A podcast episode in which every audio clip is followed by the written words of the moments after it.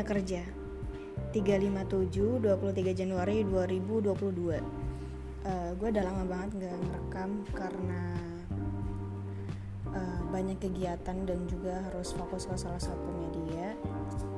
Hmm, Ya di sini gue mau, mau cerita tentang dunia kerja.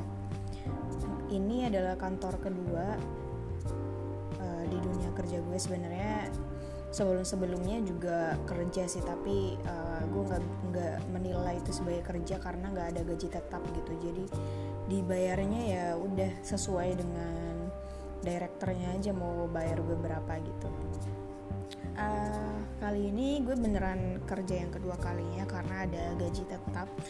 Dan kata orang-orang di sini sih kerja di sini tuh udah yang paling enak gitu. Tapi uh, menurut gue ada enak nggak dan nggak enaknya yaitu pasti sih di sebuah tempat. Sekarang gue lagi di kantor sendirian ini hari ahad. Uh, kenapa gue ke kantor? Pertama karena gue harus menyelesaikan tugas-tugas gue di luar uh, jam kerja. Uh, kerjaan kantor juga tapi ada kerjaan lainnya juga. Ya kayak tugas organisasi dan tugas project-project juga di NGO gue gitu um, pertama yang mau gue ceritain adalah di dunia kerja itu bisa dibilang cukup kejam. Uh, gue nggak bisa bandingin sebenarnya sekejam apa atau nge-compare kerjaan gue lebih kejam dari yang lain atau gimana karena ya pengalaman kerja gue belum terlalu banyak gitu. Maksudnya gue baru kerja ke kedua kalinya di kantor yang berbeda. Jadi nggak bisa begitu nge-compare. Um, kalau ditanya dunia kerja itu kejam atau enggak ya memang iya gitu. Kalau di perusahaan di mana kita akan kerja pasti kita akan butuh duit di situ. Pun dengan perusahaannya pasti mereka mementingkan profit.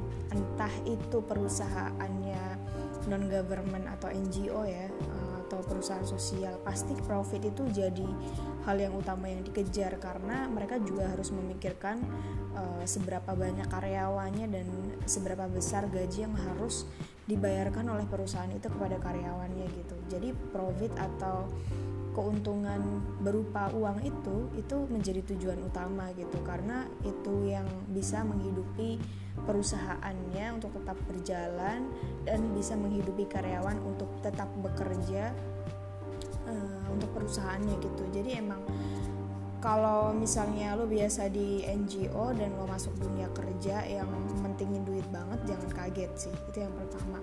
Yang kedua tuh soal uh, rekan kerja ya rekan kerja tuh kayak nggak bisa milih gitu.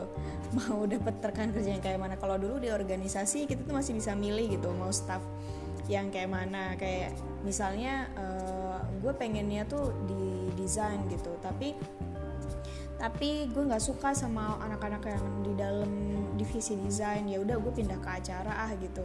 Nah itu resikonya belum terlalu berbeda jauh dan nggak terlalu berat gitu. Kalau nggak bisa ya tinggal belajar itu masih bisa masih bisa belajar di situ dan senior lo nggak nggak akan semarah marahnya kalau kalau misalnya kesalahan lo sebesar apa gitu. Beda ceritanya ketika lo di dunia kerja lo nggak bisa milih teman lo yang mana lo pin, bebas pindah-pindah divisi itu nggak bisa. Nah di situlah tantangannya e, gimana pun caranya kita harus berteman dengan eh, orang-orang dengan tipe-tipe yang berbeda yang orientasinya bisa jadi kerja di situ cuma duit doang gitu jadi ya itu yang harus kita siapin mentalnya sih. Makanya kalau lo sering dengar di dunia kerja itu uh, apa namanya apa sih namanya yang kayak sundul-sundulan bukan sundul-sundulan. Sikut-sikutan ya sikut-sikutan ya itu memang ada benernya. Karena orang-orang di situ emang orientasinya orientasi hasil yang duit ada namanya KPI atau Key Performance Index di mana uh, lo setiap bulannya itu tuh ada target-target tertentu yang ditetapkan sama leaders lo semua. Dan itu harus di harus dicapai gitu. Kalau nggak dicapai ya artinya ada penurunan performa gitu. Atau kalau misalnya bisa lebih ya itu makin bagus performa lo makin makin naik gitu. Kalau misalnya nanti presentasi ke perusahaan uh, untuk misalnya untuk naik jabatan atau untuk apalah gitu sesuai dengan uh, sistem kerja di perusahaan tersebut itu akan meningkatkan uh, hasil kinerja lo semua dan lo bisa dapat promosi di situ gitu. Hmm, nah makanya di dunia kerja tuh butuh banget mental yang kuat dan juga butuh temen yang support gitu. Uh, gue pernah dibilang di Instagram gue kalau di dunia ini tuh adalah cara belajar gitu. Nggak akan nggak akan pernah selesai untuk kita belajar. Jadi kalau misalnya lo dapat masalah lo melakukan sesuatu hal yang gagal ya lo evaluasi dan dimulai lagi dari awal dari uh, berdasarkan hasil evaluasinya. Jadi ya belajar belajar terus gitu. Sorry ya kalau ngomongnya lompat-lompat kayaknya agak uh, kurang bagus alur ceritanya. Uh, itu. Terus apa lagi ya? Uh, tadi yang pertama uh, siapin mentalnya terus soal rekan kerja gitu. Yang ketiga lo harus bisa uh, yang gue sorotin banget sih komunikasi ya. Di dunia kerja atau di mana pun itu komunikasi jadi hal utama. Kalau misalnya kita komunikasinya nggak jago ya setidaknya bisa mengklirkan komunikasi itu kita bisa dapat masalah gitu. Dan buat orang-orang yang uh, introvert kayak gue hmm, gue kan nggak biasa sebenarnya kerja di kantoran ya. Tapi uh, beberapa perusahaan mengharuskan kita untuk kerja di kantor. Uh, sedangkan uh, gue kan kerjanya di dunia kreatif juga kan desain gitu. Dan ke kreativitas itu tuh nggak bisa muncul secara dipaksa gitu.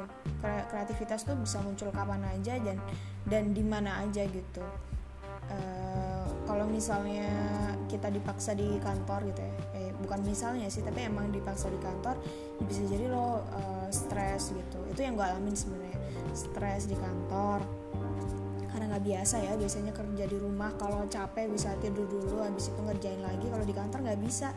Benar-benar dari pagi jam 8 uh, eh, atau jam 9 sampai jam 4 atau jam 5 itu benar-benar dipaksa buat kasarnya tuh lo harus duduk di sini lo harus menghasilkan sesuatu yang kreatif di sini.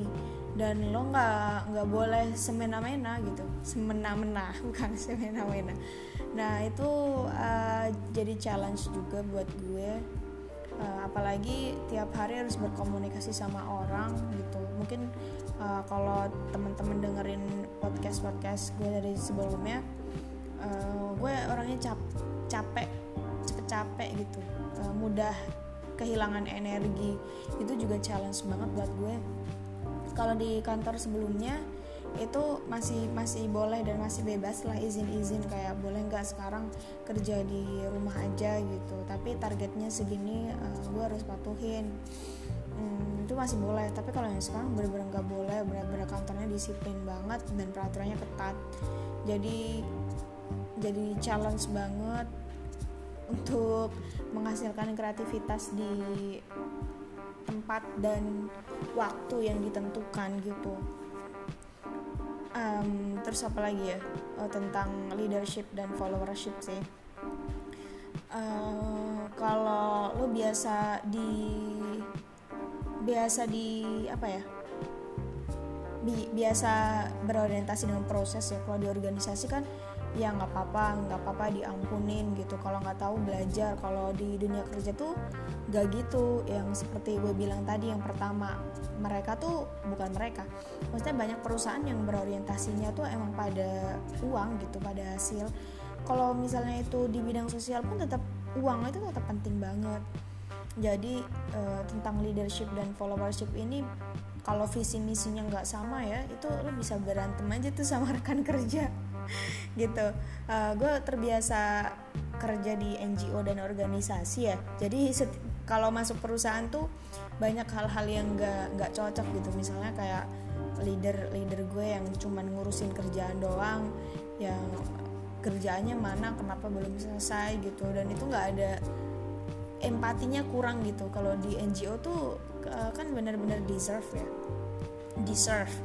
Jadi kayak kenapa J? Nggak kenapa J? Belum selesai gitu. Jadi masih halus gitu. Kalau di dunia kerja tuh nggak kayak gitu. Um, dan kalau sama rekan kerja yang lain ya uh, kalau orang-orang berorientasinya cuma pada hasil pada uang doang pada gaji doang ya udah itu bakal susah banget buat buat brainstorming tentang nilai kerja gitu. Jadi kayak ya udah kalau kerjaan lo nggak bagus ya udah dimaki-maki aja gitu.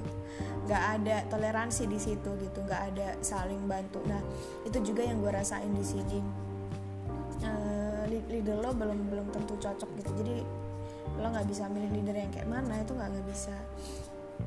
Hmm, apa ya tadi gue mau ngomong ini uh, apa namanya ini nih kalau misalnya ini nih apa lingkungannya tuh nggak support gitu di sini. Lumayan lah nggak support banget. Lumayan lah nggak support banget. Agak kontra ya udah gue ganti. Lumayan nggak support gitu. Kenapa gue bisa bilang gitu? Karena uh, masing-masing individu mementingkan KPI masing-masing mementingkan target masing-masing. Jadi kalau kalau gue misalnya kan buat TikTok gitu ya itu butuh talent kan. Dan itu divisinya tuh isinya cuma gue doang. Gue nggak bisa dong uh, buat sendiri uh, muka gue semua gitu ya. Pasti orang bosan gitu. Sedangkan gue juga pegang beberapa media sosial. Masa iya misalnya empat media sosial isinya muka gue doang gitu. Nggak mungkin nah di situ gue min mencoba minta tolong ke orang lain untuk jadi talentnya tapi ya itu yang gue bilang nggak support gitu. Mereka nggak maksimal mereka cuma mentingin KPI masing-masing. Itu yang sulit dan perusahaan pun tidak memperbolehkan menambah talent yang berbayar gitu istilahnya. Jadi ya dari karyawan lain aja. Nah itu agak susah di situ. Itu challenge juga gimana caranya gue bisa mempersuasi karyawan lain untuk bantuin gue. Gitu. Nah itu sekedar informasi tentang dunia kerja yang mungkin lo bisa siapin mulai dari sekarang lo bisa siapin mentalnya lo bisa baca buku-buku uh, untuk mempersiapkan uh, komunikasi lo menjadi lebih baik dan mempersiapkan pengetahuannya gitu untuk masuk dunia kerja. Gitu. Makasih teman-teman udah dengerin podcast ini. Dan maaf juga uh, kalau udah lama nggak bikin podcast. Semoga bisa bermanfaat. Mohon maaf apabila apabila ada kesalahan. Dadah. Assalamualaikum